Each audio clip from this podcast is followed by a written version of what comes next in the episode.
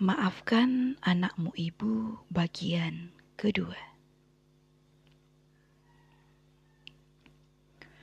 Sudah hampir enam bulan lebih anak sekolah seperti Rido belajar daring di rumah. Belajar online via gawai dan beberapa aplikasi telekonferensi yang menurutku sangat membosankan. Rido yang sedari tadi melambai dari jendela terlihat berisi beberapa bulan belakangan ini. Mungkin efek belajar di rumah dan kurangnya berpikir. Maklum, beberapa tugas yang diberikan melalui daring sangat mudah menjawabnya.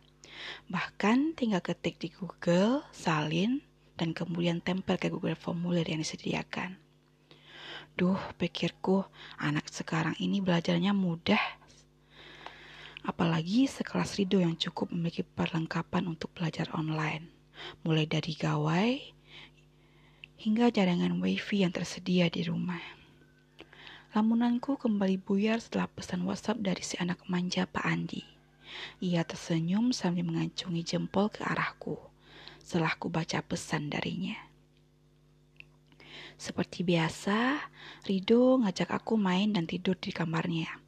Aku cukup heran dengan kebiasaan Rido yang terkesan rumahan sekali untuk anak seusianya. Aku sendiri sebenarnya bosan harus di kamar terus sambil main game di PC sambil berjam-jam. Tidak kulihat bosan itu pada Rido yang menghabiskan waktu untuk ngegame dari maghrib hingga tengah malam tiba. Ah, Rido, Anda hidupmu sama seperti hidupku. Aku bergumam desah sambil mengangguk dan membalas jempolan dari Rido. Jam dinding di atas toko sudah menunjukkan angka 4. Itu artinya jam dinasku di toko Pak Andi sudah usai. Aku pamit pulang kepada Pak Andi. Baru mau melangkah pulang, gawaiku berbunyi ada pesan dari Rido. Kak, mandi di sini saja. Gak usah balik ke rumah, tulis Rido. Aku teringat sama ibu yang belum izin kepada beliau. Ku balas pesan dari Rido dan mengatakan padanya bahwa maghrib aku datang. Dari sudut sana dijempoli lagi oleh Rido. Kulihat masih seperti tadi, tak berkostum alias telanjang dada. Aku bergerak pulang. Baru beberapa langkah aku teringat minyak tanah untuk lampu di rumah sudah habis. Aku kembali dan membeli 2 liter minyak tanah ke Pak Andi dan membayarnya. Awalnya Pak Andi nggak mau menerima uang dariku, tapi kulihat begitu saja di meja dan kemudian kabur. Ku dengar beberapa kali Pak Andi memanggil namaku. Aku pura-pura tak mendengarnya dan tersenyum sambil berlalu. Ah, Pak Andi, kenapa beliau terlalu baik?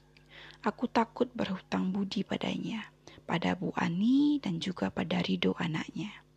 Aku takut terbiasa dan justru jadi tergantung padanya. Sampai di pematang sawah beberapa meter dari gubuk tempatku tinggal. Kulihat gubuk terang benderang ada lampu di luar di dekat pintu masuk. Lampu listrik? Tanyaku dalam hati. Siapa yang memasangkan lampu listrik PLN ke gubukku? Ku percepat langkahku sambil menenteng minyak plastik isi minyak tanah 2 liter tadi. Ku ketuk pintu, ibu menyambutku bahagia. Memelukku yang masih belum percaya dengan lampu yang bertengger tepat di kepalaku dan di dalam gubuk.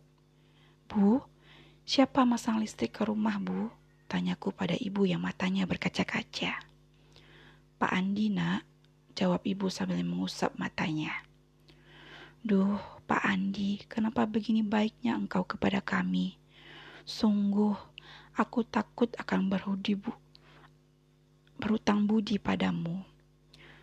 Aku benar-benar lirih dan kembali memeluk ibu. Tangis ibu kembali buncah. Aku mencoba mengusap punggung ibu beberapa kali hingga beliau tenang kembali. Ibu cerita padaku kalau Pak Andi bilang bahwa Aku tidak akan terima kalau listrik ini diberikan gratis kepada ibu. Oleh karena itu, jika Deva nantinya mau bayar, silakan bayar. Tapi kalau enggak, ya enggak apa-apa. Sambung ibu. Ibu juga bilang, Ini sudah niat Pak Andi dari dulu. Rencana awal beliau mau masuk membiayai uang sekolahku. Berhubung aku tidak mau, maka dialihkan saja ke listrik. Aku jelaskan pada ibu, ntar gajiku dipotong saja. Jujur, aku sangat malu jika harus dibantu terus sama Pak Andi, meski Pak Andi membantu dengan tulus. Itu terlihat dari bantuan beliau yang tidak hanya pada kami, aku dan ibu. Juga Bu Isah dapat bantuan dari Pak Andi. Bu Isah sendiri yang bilang kepada ibu di depanku. Bersambung.